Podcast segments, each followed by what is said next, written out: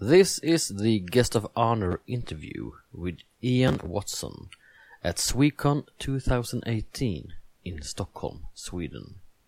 And the interviewer is Anders Bellis. Svekon-poddar. En poddradio från svenska science fiction och fantasykongresser.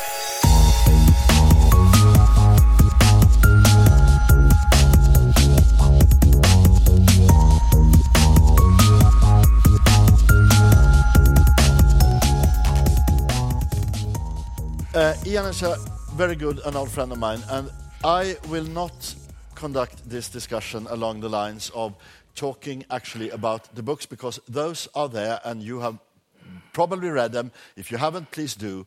And I will now try to Psychoanalyze. psychoanalyze and make you know Ian a bit as a person for those of you who don't know him. Uh, I will begin in a maybe rather strange way because I remember at one time when we were sitting at some convention or other uh, having a beer that you told me early on in your days you had been working for a shipping company or something. As a, you were not a science fiction author at all. You were probably not even in fandom. You, you were working as a shipping clerk. Yeah, but this is because I was only 16 years old. Uh, and Oh. I left uh, school. And I was due to go to university um, nine months later. So I thought, stupidly, that I should earn some money uh, to help me as a student. This was a very bad mistake um, because I almost went insane at the banality of uh, working in a shipping company. Now, I was an accounts clerk. Uh, so, uh, there are very big books bound in leather because uh, this is long before uh, the computer was invented. Uh, and my first job was uh, to add up uh, what is called a portage account. Uh, this is the amount of money that a boat spends when it is in harbour. They spend a lot of money in harbour. Even in the 1950s, they would spend thousands and thousands of pounds. So, um, I already had written down here by somebody else all of the money. You know, five thousand pounds for coal, one thousand pounds for beer, and uh, so add it up, said my supervisor. So I added it up and wrote in the answer on the book, the sacred book, and then I thought, hmm, uh, I'll just check it. So I checked. And it was a completely different number. So I crossed out the first one and wrote the next one.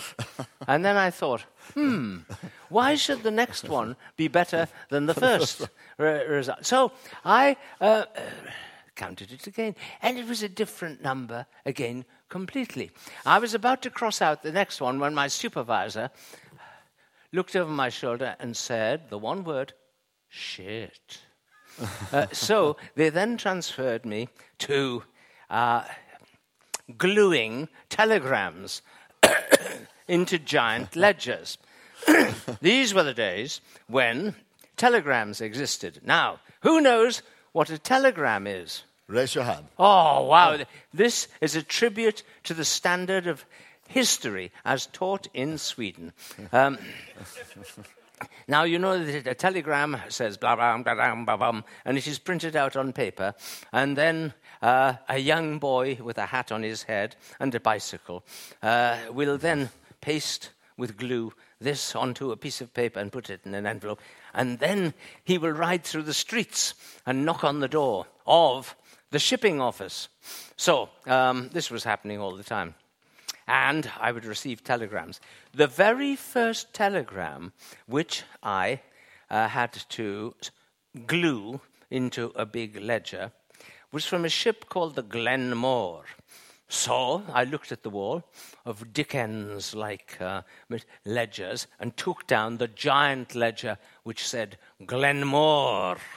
Uh, opened it, started from the front, and I turned over the pages until I came to a page with a big line across it, sunk by enemy action, 1943. And I thought, holy Moses, I have a telegram from a ghost ship. Uh, what would you do? Well, I did not turn over the page. I went straight to the managing director and knocked on his office door and said, I have a telegram from a ghost ship, and showed it to him. So he took me by the ear and led me back uh, to the um, place where I, the department where I worked, and he, he turned over the page. And he said, We give new ships the same names, laddie. uh, yeah, so I did not last very long there. But what kept my sanity was that I discovered and read Titus Groan and Gormenghast by Mervyn Peake during this period. Oh, so that might be sort of your way into maybe sort of you know literature outside of the mainstream, let's say, because I also recall Mm. that you have a degree actually in, uh, I don't exactly know what the English degree is called, but you have sort of a degree in 19th century literature. Oh, that was the research. As opposed to science I mean, No, that was the research degree. what I did at Oxford was a degree in English language and literature, mm. um, which is a BA, a Bachelor of Arts. Mm. And then because we at Oxford think we are much better than most universities in the world. Um, after, you are. Well, after one year, if you pay £15, uh, you can convert your BA into an MA, Master of Arts. uh, now, the, uh, the first degree which I did, English language, uh, forced me to uh, study sound changes from Anglo Saxon through Middle English to Modern English. And this was extremely boring, and I deeply resented people who wrote in Anglo Saxon and in Middle English. Uh, this, um, for example, in Middle English, we had to read a ridiculous document uh, written in a dialect of Middle English called the Ancrene Rule, which means uh, the rules of behavior for anchorites, uh, i.e., for hermits and for people who live in um, monasteries, restricted monasteries. And this was full of the most ridiculous, repressive, stupid information, such as, ye shall wear prickly underwear and uh, no luxuries so as to chastise your genitals. And this went on for 70 pages in Middle English. Uh, I conceived a deep dislike of Anglo Saxon culture and Middle English culture.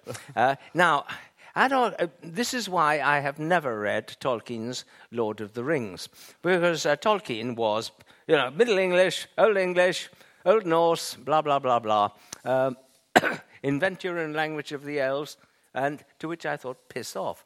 Uh, what I preferred to do was read French 19th century literature, decadent stuff like Flaubert and Baudelaire. Uh, so, uh, when I had finished with the uh, English language and literature, uh, English literature stopped at the year 1914. Uh, by the way, and I think it still stops at 1914 in Oxford. Uh, in Oxford, maybe, but Virginia Woolf was writing long after 1914, so English literature cannot well, have. Yes, I know of your love for Virginia Woolf. Uh, you don't seem to agree. Uh, uh, well, I have a little tickle in my throat. Ah, ah, I, I, can use this to, um, you know, bypass any question. Uh, D- I found D.H. Lawrence much more robust myself. Ah. Yeah, robust man. Uh, yeah, but um, this is why, after I'd finished my first degree, I uh, looked around English literature for a way of reading French literature and discovered a, um, uh, a guy called Walter Pater, who had been a 19th century lecturer, uh, professor at Oxford, and wrote some very good books on Platonism and the Renaissance, blah, blah, blah. He was a, uh, the tutor of Oscar Wilde and he's actually responsible for a lot of um, seditious things. uh, but this enabled me to, um, uh, well, uh, escape into French 19th century literature, which was much more compatible. And it is why I deeply detest but, Norse, the uh, sagas. Uh, but in spite of this, uh, yeah. in spite of not liking the Middle English and so forth, uh, you did actually go abroad and became a teacher in English, I think. Uh, yeah, yeah, this is true. But um, consider when I finished my um, research degree, mm. uh, Uh, basically, uh, they wanted to get rid of me because I was not socially respectable. Uh, so they could not give me a job uh, or uh, in Oxford lecturing or, or recommend me. And they sent me to the colonies. Ah, yes. Uh, so this was a, um, uh, a new university in a newly independent African country, Tanzania, uh, where I would be sufficiently far away from Oxford uh, to cause no embarrassment. So, but, but obviously, this didn't last for long either, because then suddenly you did decide to become uh, a science fiction author after all. I think uh, somewhere around the age of 30 or 30. Oh, well, my first book was published when I was 30. Uh, Yeah. Mm, yeah, that's correct. Because I said, you know, if you have not had your first novel published by the age of 30, you may as well shoot yourself in the head. Uh, this was all caused by reading French 19th century literature Yeah, and, and, but- and R- Russians. But the point is still, I mean, we've now be- gone through here the Middle English, the French literature of the 19th century, and uh, English literature stopping in 1914. Still, you went into science fiction. This was How caused by come? I mean, because I, th- th- it's hard to see the thread. Um, I mean, I, you read the Gormenghast or whatever, but I mean, that's not science fiction, by the way. So uh, it's hard to see the thread here leading up to suddenly becoming a science fiction writer and professionally published as well. Not only trying, but actually succeeding.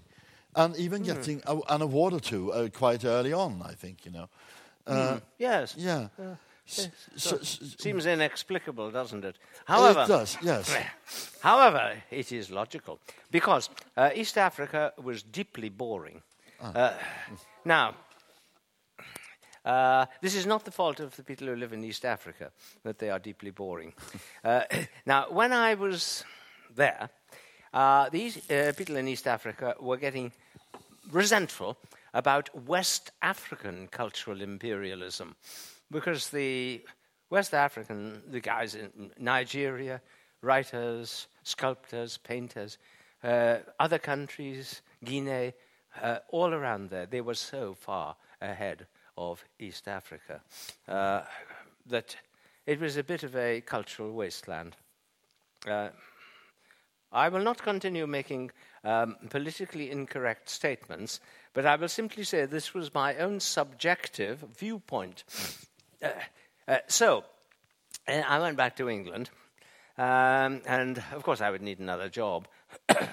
uh, consequently, I looked at the um, big newspaper which advertised jobs uh, in universities. And I saw one in the Cameroons. And I thought, that is on the other side. That is nearer to West Africa. Uh, so I went for an interview for that job. And with the, um, the, I forget the organization, but um, they said to me, well, okay, we don't think you're suitable for a job in the Cameroons because we really want somebody with brain damage to um, uh, go here. But we do have a job in the center of Tokyo, uh, which will be advertised in another three weeks, and we think you would like that. so I said, okay, I will be guided by your wisdom, and went home and applied for the job in Tokyo. and um, uh, then in Tokyo is when I started to um, write uh, science fiction because I encountered what you might call uh, future shock, the, um, the contrast between the high technology, even back then, even in the 1960s, the high technological future, and also the, um, uh, what Ballard calls the disaster area, the disaster zone, the pollution diseases, the. Um, uh, on the one hand, all the fun uh, of the future and all the poisons and overpopulation uh, and eco catastrophe at the same time. Uh, so I started writing then as a kind of survival mechanism to cope with future shock. And um, uh, the uh, Japanese students cooperated with me, with me wonderfully because uh, two months after I arrived in Tokyo, they went on strike uh, to protest against the renewal of the Japanese American Security Treaty, which was due three years later. And they stayed on strike for two and a half years. And uh, first of all, they occupied the university with their steel helmets uh, and their weapons of wood. And um, uh, me and the Japanese professors, uh, we were all professors. Uh, we would walk through uh, the lines of occupation once a month to collect our money. Uh, and then the police attacked the uh, university uh, using helicopters and giant canisters of tear gas. Uh, and so the students left. And for the next 18 uh, year, the police were there with their helmets and their weapons. And me and the other Japanese professors, we all walked through to collect our envelopes of money. And during that time, we received five increases in salary for doing nothing. Uh, because we were uh, part of the uh, of the Japanese national educational system, and not everybody was on strike. We were.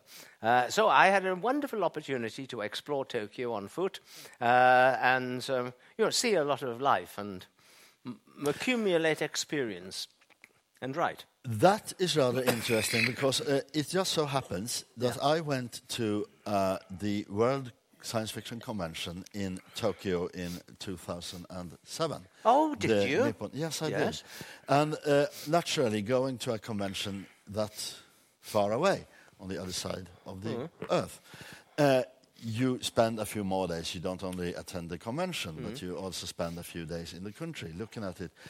I was totally overwhelmed by Japanese culture.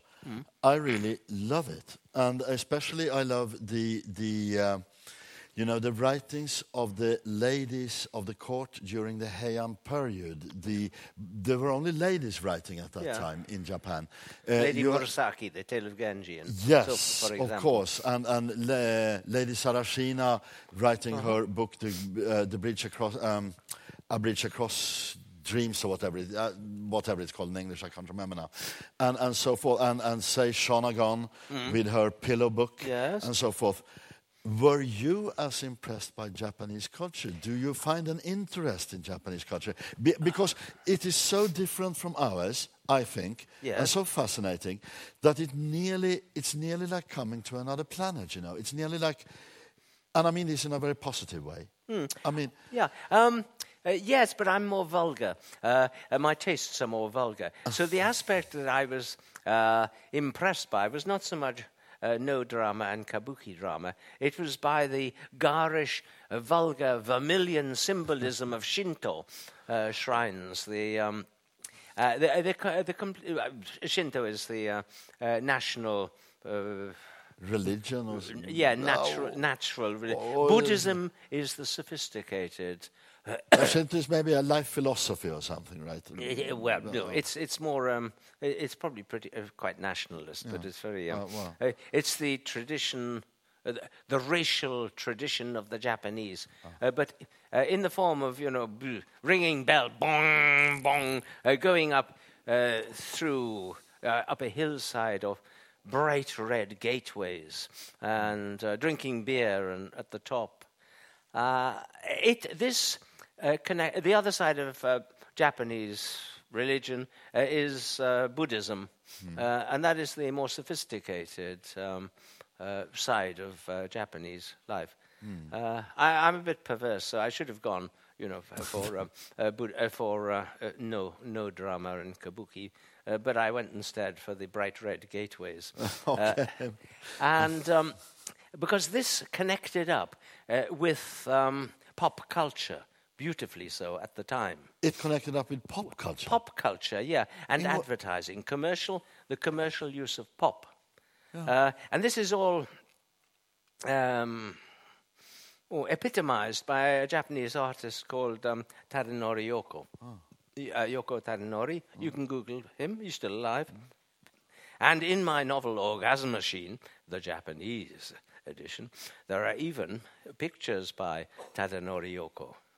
Oh, And, uh, so uh, this was the um, uh, this was the high power uh, commercial advertising pop world intersecting uh, with the sort of nature worshipping uh, pagan roots of the Japanese. that I found very interesting. Oh well, yeah. I, I, I'm actually rather unaware of that part of it. I, I, I went more for the ladies, you know. Oh, well, yes, You know, the, the, the, la- but all the, all the dead ladies, I, I'm afraid to say. Uh, so anyway, uh, these were some early jobs you had as a teacher in English, as a clerk, uh, accountant clerk at the shipping company. For four weeks.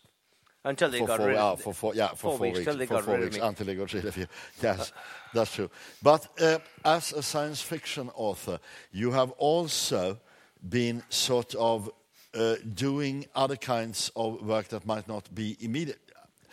As your colleague Arthur C. Clarke, you have collaborated with Stan, the demon director Stanley Kubrick Yes, yes. on, and that uh, I rem- uh, this must have been uh, an experience at least. To, to uh, Oh, yeah, well, it, it would not have worked if I had not liked Stanley. Uh, now, You did like because most people didn't.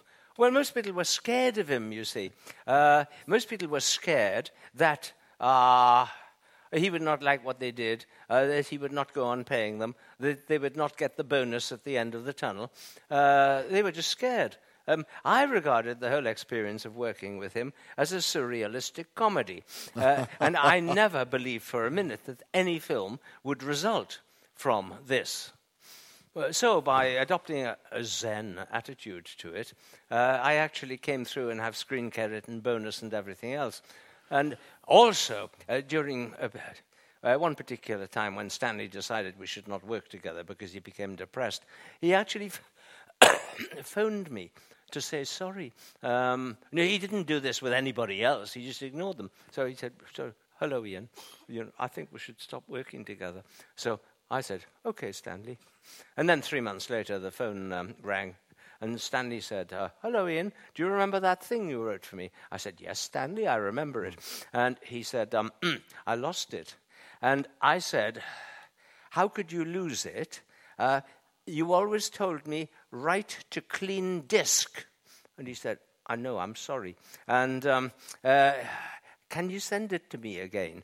Uh, no, I'm now going into the version of uh, Stanley as a kind of teddy bear rather than um, uh, as a kind of ruthless director. But in order to uh, work with him, who was uniquely different from other people and uniquely willing to wait, he was not the normal. Uh, uh, he, he was completely meticulous and thorough uh, in trying to explore all possibilities so that uh, everything uh, would be ready before filming started, the complete story. Um, and not only for the film he was working on, but he used to have, oh, uh, several balls in the air, which you would not know about because with him only knew about one ball in the air. But for example, his desire to write a film about the, uh, uh, to produce, uh, create a film about the life of Napoleon. I mean, not only did he have a profound knowledge of the career of Napoleon, which he never talked to me about because it was not relevant. Uh, with he'd read about 150 books, and he had the Romanian army on standby as extras. I mean, this never actually came to pass, but um, he, he, meticulously uh, explored every avenue, uh, and he, he was uh, he had great patience to let things happen to see what would occur. What was the film you were going to make? There are. Oh, it was uh, artificial intelligence. It was that one. Uh, AI, yes. yes. but you still have a screen credit for that one, don't you? Oh, yeah, well, yes, because um, uh, we, we stopped working on it because uh, Stanley had to um, make uh, Eyes Wide Shut, which he explained to people by saying, "Hi guys, we need a new Mercedes. We'd better make a movie," and. Um, uh, consequently, Eyes Wide Shut, which he'd been working on, you know, uh, in various ways. Um, uh, he brought in his um, writer, Frederic Raphael, who wrote a preposterous uh, book uh, about working with Stanley of, of total high, uh, snootish imbecility, uh, based upon uh, meeting him two and a half times uh, and creatively lying.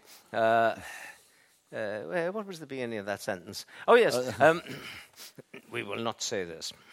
Uh, but um, Eyes Wide Shut, uh, Stanley overworked on it. Uh, and um, on the post production, he actually uh, broke. He broke himself and died in his sleep.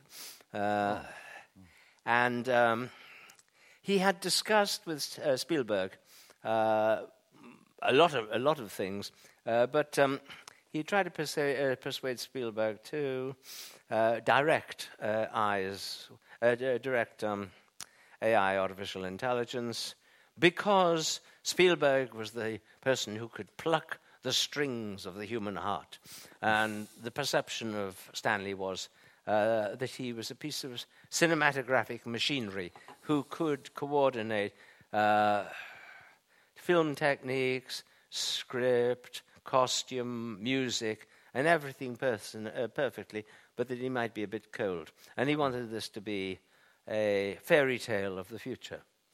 Uh, so, after his death, as a homage to him, uh, Spielberg did direct uh, the movie exactly as Stanley would have wished to see it. Um, there are little bits of um, uh, Spielberg in, but um, there is hardly anything that is not Stanley uh, and that Stanley would not have wanted to see. Is that so? Yeah. Because I think it's rather different in very many ways from anything he ever made. But It is. Uh, it's a fairy tale, a future, a Yeah, future okay, fairy so- tale. And, um, you know, people thought that the last 20 minutes uh, were Spielberg being sentimental. They were not. Uh, they were um, what I wrote for Stanley, which was exactly what he wanted. And it is, uh, word by word, what happens. And it's very harsh and cruel, and there's no sentimentality in it at all, uh, if you think about it. as um, uh, as my mother, working in the film business, actually knew Stanley Kubrick. I, I Oh, did she? Uh-huh. Oh yes, certainly. Uh, I know quite. I, I know some things about him that I will not repeat here. Uh, Oh, go but- on. Oh well. Go uh, on, come on. uh, well, uh, for one thing, uh, my mo- uh, shall I? But is, uh, this an interview with you? Okay. Come on, okay, Bellis. Okay. Nobody, uh, Okay. nobody okay. has Anyway, heard these okay, secrets. My, okay, my, my mother is um, Aina Bellis, anyway, and at that time, uh, she, she later on uh, went on to, to, to found the uh, European Film Academy and the, and the Film Award, the Felix. Uh, but at that time, she worked for the Swedish Film Institute. And she worked with uh, uh, both um, doing PR and selling Swedish films for being, uh, being shown uh, in other countries. And she worked with importing films to Sweden. And uh, uh, one thing, for example, Stanley Kubrick forced her to give him a daily report on the number of tickets sold when his films were being screened in Swedish cinemas. And he also demanded to have a map of the cinema with all the proportions of the cinema uh, written in, sort of, because he had to.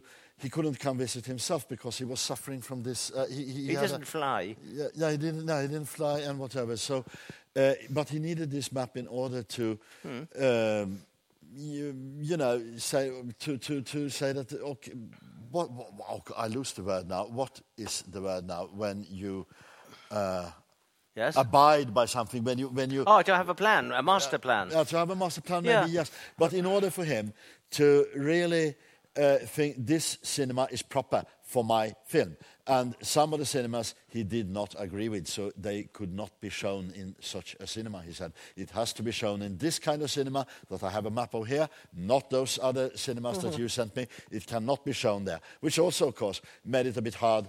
Uh, to get the dosh in for the films uh, sometimes because uh, they really wanted to show them all over the country, but that Stanley did not Well, the film would with. not actually project uh, and show uh, and screen properly in those films. He was a perfectionist. He was a total perfectionist, and he needed the yes the proportions of the screen, and as uh, compared to the proportions of the cinema as such, how big is the cinema? Yeah. How many seats? How many rows of Yes, seats are there? Uh, are, can everyone in the audience actually see the film? Are the seats like they are here, you know, Mm-hmm. or are they flat out along the along the floor, and so forth? He was a total perfectionist, and uh, he also divulged Mm-hmm. that he would shoot any scene of any film 150 times. No matter if he was satisfied with the second scene, he would still do it because he didn't want his actors to ever know what scene he thought was perfect. That one he would choose afterwards. Yeah, yeah. Um, well, he said to me about uh, uh, The Shining uh, that he has uh, Jack Nicholson cross the road 69 times in the hope that something interesting will happen. Yeah. Uh, So, so- Yeah, I mean, what you say, you add it on. Uh, something interesting does happen, uh, like Jack Nicholson turns into a, a psychotic zombie for a moment as he crosses the road, and um, that may be the perfect scene, but uh, Stanley does not tell him. He just shoots more. Yes, shoots more, yes. Yes, in, yeah, in order to get the perfect scene. That's right. Mm, yeah. Um, I mean, allegedly, uh, the Tom Cruise Nicole Kidman divorce uh, did not come about because Stanley filmed them simulating sex about a hundred times, uh, uh, but for some other reason. But was- okay. I don't believe that. As an author, though, uh, and now we're talking books again. Yes. Uh, as an author, you've collaborated with some other eminent science fiction authors, like uh, Michael Bishop, for example. Uh, and Yeah. uh, Um, how, how, uh, I, I will want to ask you the following because this might only be my point of view, uh, but I regard you as both of you are. Oh, yeah. Sorry, I have to finish the sentence anyway. Uh, both you've of got you, 10 minutes. Ten minutes, yeah. Uh, yeah, okay. Uh, both of you are very good authors, I think, but you are rather different. I mean, in my point of view, anyway. I mean, your, your styles are, as far as I can see, rather different. I mean, mm, how did this collaboration come about? You did a transatlantic novel, sort of, but but um, how did it come about that you worked with Michael Bishop? And and Well, number one, uh, back then, there were only a small number of science fiction writers in the world. And uh, Locus magazine nowadays, if you know it, uh, it is uh, like the size of Playboy, full color, uh, advertisements everywhere. When I started to uh, read Locus magazine, it was four pages of toilet paper uh, that had yeah, produced mimeographed, you know, uh, yeah, yeah, mimeographed, yeah. yeah. And uh, half a page would be uh, the next six months of books in science fiction and fantasy. Uh, this is quite true. And you could get on half a page of big print uh, the uh, forthcoming books advertised by the main publishers in the UK and America. Nowadays, uh, the corresponding uh, forthcoming books requires about eight pages of microscopic print. So, back in those days, uh, people read all the books that came out because there was time to. Consequently, I had read Michael Bishop's books, he had read mine, and um, I was interested in his aliens uh, because, um, um, well, nine minutes, eight minutes. Um, uh, so um, I decided, you know, uh, we should explore his aliens uh, a bit further, and um, uh, using letters, you know, transatlantic correspondence with postage stamps. Uh, Those I- paper things that Yes, you may yes, not have heard about, you youngish people. here. Yes. Um, uh, I uh, uh, sent a section, uh, and he then sent a section back uh, and changed my section and blah, blah, blah.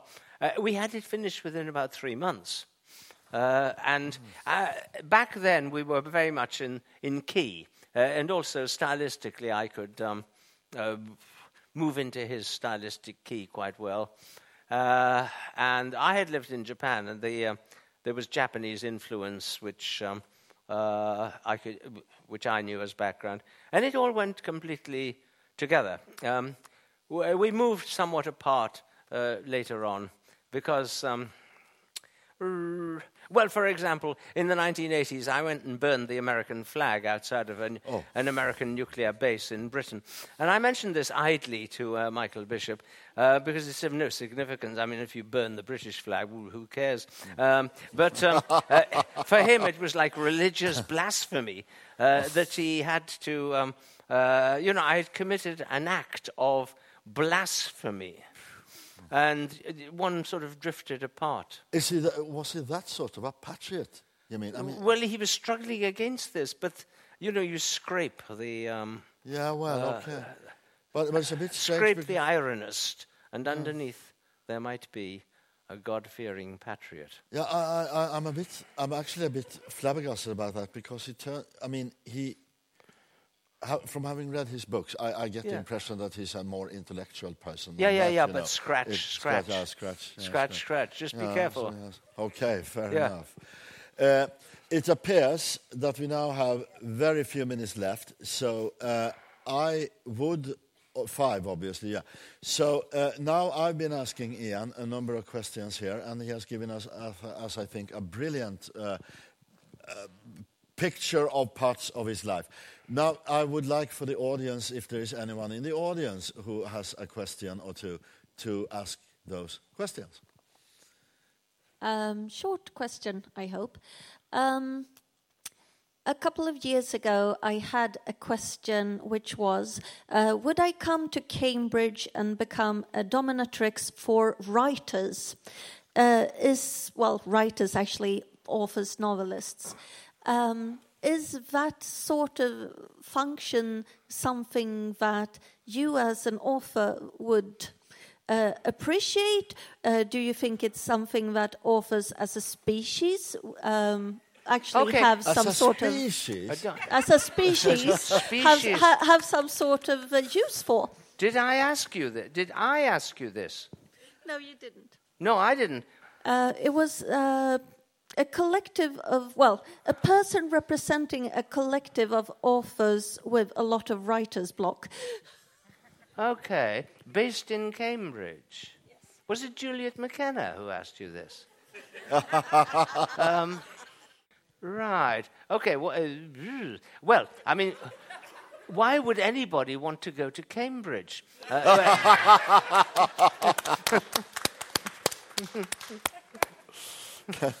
there's already already a deep masochist masochism uh, there. Uh, uh, yes, this could be a good role. Yeah, yeah, yeah. Uh, but only in Cambridge. do, do we have any more questions from the audience? Uh, how was it to write for Warhammer 40k? Oh, sorry, ah, yes, I haven't asked about Warhammer. Yeah, yeah, good. Oh, yeah, good. he has.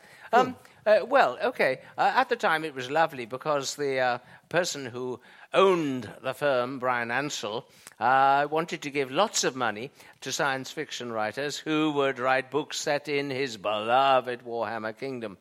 Uh, now, I, I was the first person to write Warhammer 40,000.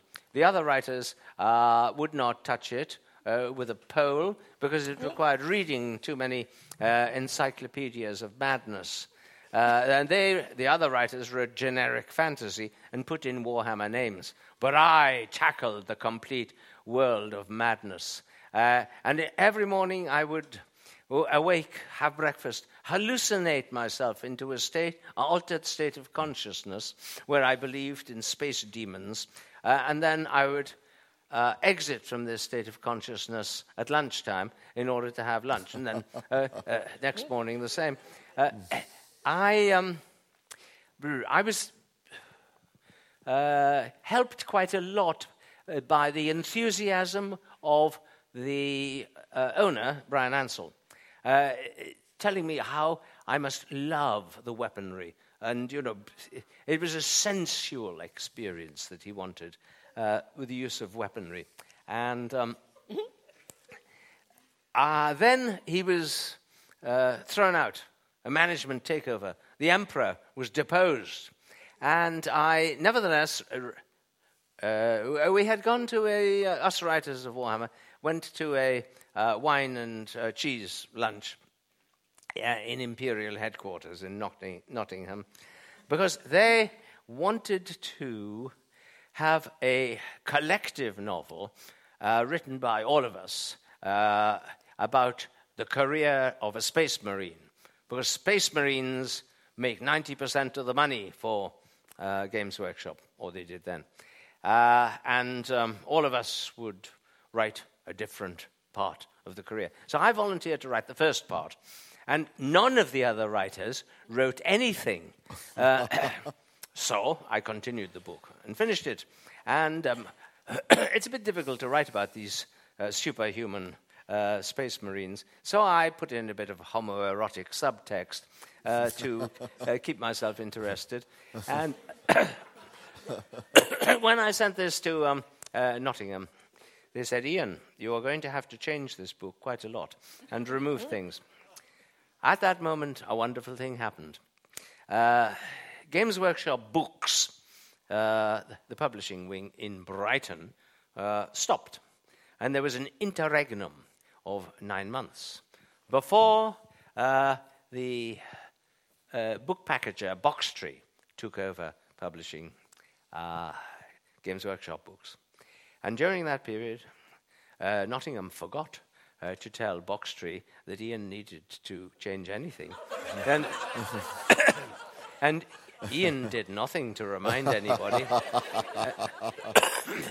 and so, stop. Okay. And so, uh, Space Marine was published with all the bum branding and homoerotic undertones, uh, which the little kiddies would not notice, but the goths would.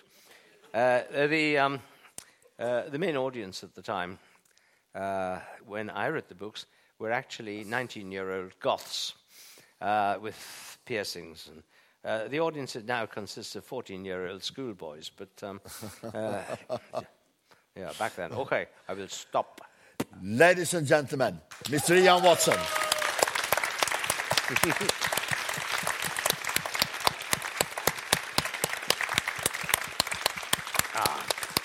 And um, thank you to Bellis also as an excellent interviewer.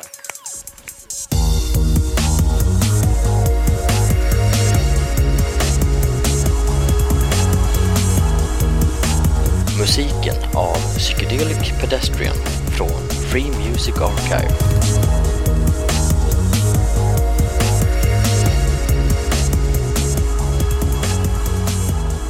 Besök gärna vår hemsida på svekonpoddar.se